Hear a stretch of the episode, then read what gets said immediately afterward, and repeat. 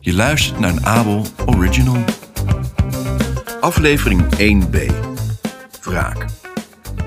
Oké, je denkt dat ik een manier moet vinden om wraak te nemen. Natuurlijk, dat is logisch, want het is kerstmis en wraak is een gerecht dat nogal koud wordt geserveerd. Oké, daar gaat hij dan. Ik ga je er alles over vertellen.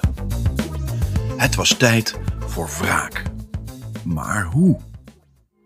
Waar keek de familie Jansen het meeste naar uit deze kerst?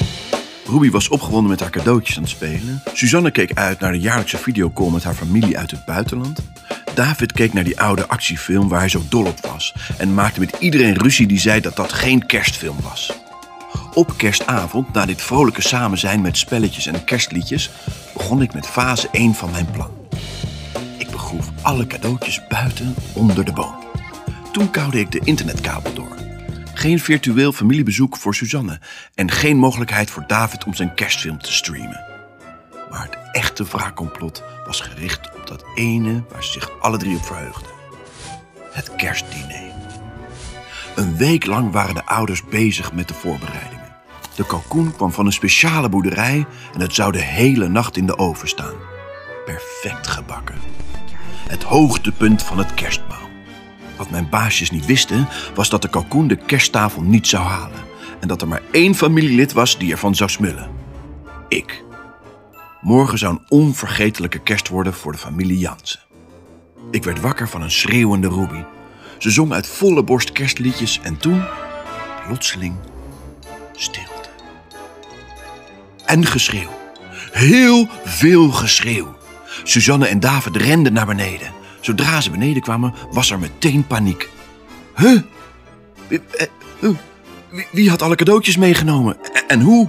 Dan maar een afspeellijst opzetten met wat goede kerstklassiekers, dacht de familie Jansen. Maar er was geen internet om de muziek te streamen. De paniek bouwde zich op. Nu moest ik alleen nog wachten tot Suzanne de oven zou openmaken. Ze opende de oven en ontdekte niets. Het leek alsof ze flauw ging vallen. De kalkoen was weg. Ruby begon te huilen. Ik voelde me vreselijk. Dit was nu ook weer niet de bedoeling. Ik wilde alleen dat ze merkte hoe eenzaam ik was tijdens de kerstavond de afgelopen jaren. Ik streek langs Ruby's been en duwde haar naar de deur en naar buiten, de achtertuin in, waar ik haar naar de boom leidde. Verward keek ze toe hoe ik aan het graven was en een cadeautje tevoorschijn haalde. Haar gezicht lichtte op en ze rende naar haar vader en moeder. Hij wilde ons alleen maar helpen, zei ze. Rudy zag dat we de cadeautjes onder de boom hadden gelegd en dacht dat we ze wilden begraven. Ik was blij dat ze niet doorhad dat ik expres gemeen was. Het moet zijn omdat hij zich zo buitengesloten voelde nadat we afgelopen twee jaar kerstmis zonder hem hebben gevierd. Wauw, ze begreep het. Suzanne en David waren nog steeds woedend om een kapotte internetkabel en de vermiste kalkoen. Nu wisten ze dat ze mij de schuld konden geven. Ik was terug in het hondenhok. Nogmaals. Maar dit was allemaal onderdeel van het plan. Waar denk je dat ik die gigantische kalkoen had verstopt? Ik wachtte tot iedereen weer naar binnen was en ik groef in de grond achter mijn bed en vond een gigantische kalkoen drumstick. Ik was zo blij met mijn eigen kerstfeest, ook al waren Ruby, Suzanne en David er deze keer niet bij. Volgend jaar zal ik een manier vinden om het goed te maken. Maar nu wil ik gewoon liggen met mijn buik vol kalkoen en kijken hoe de sneeuw begint te vallen.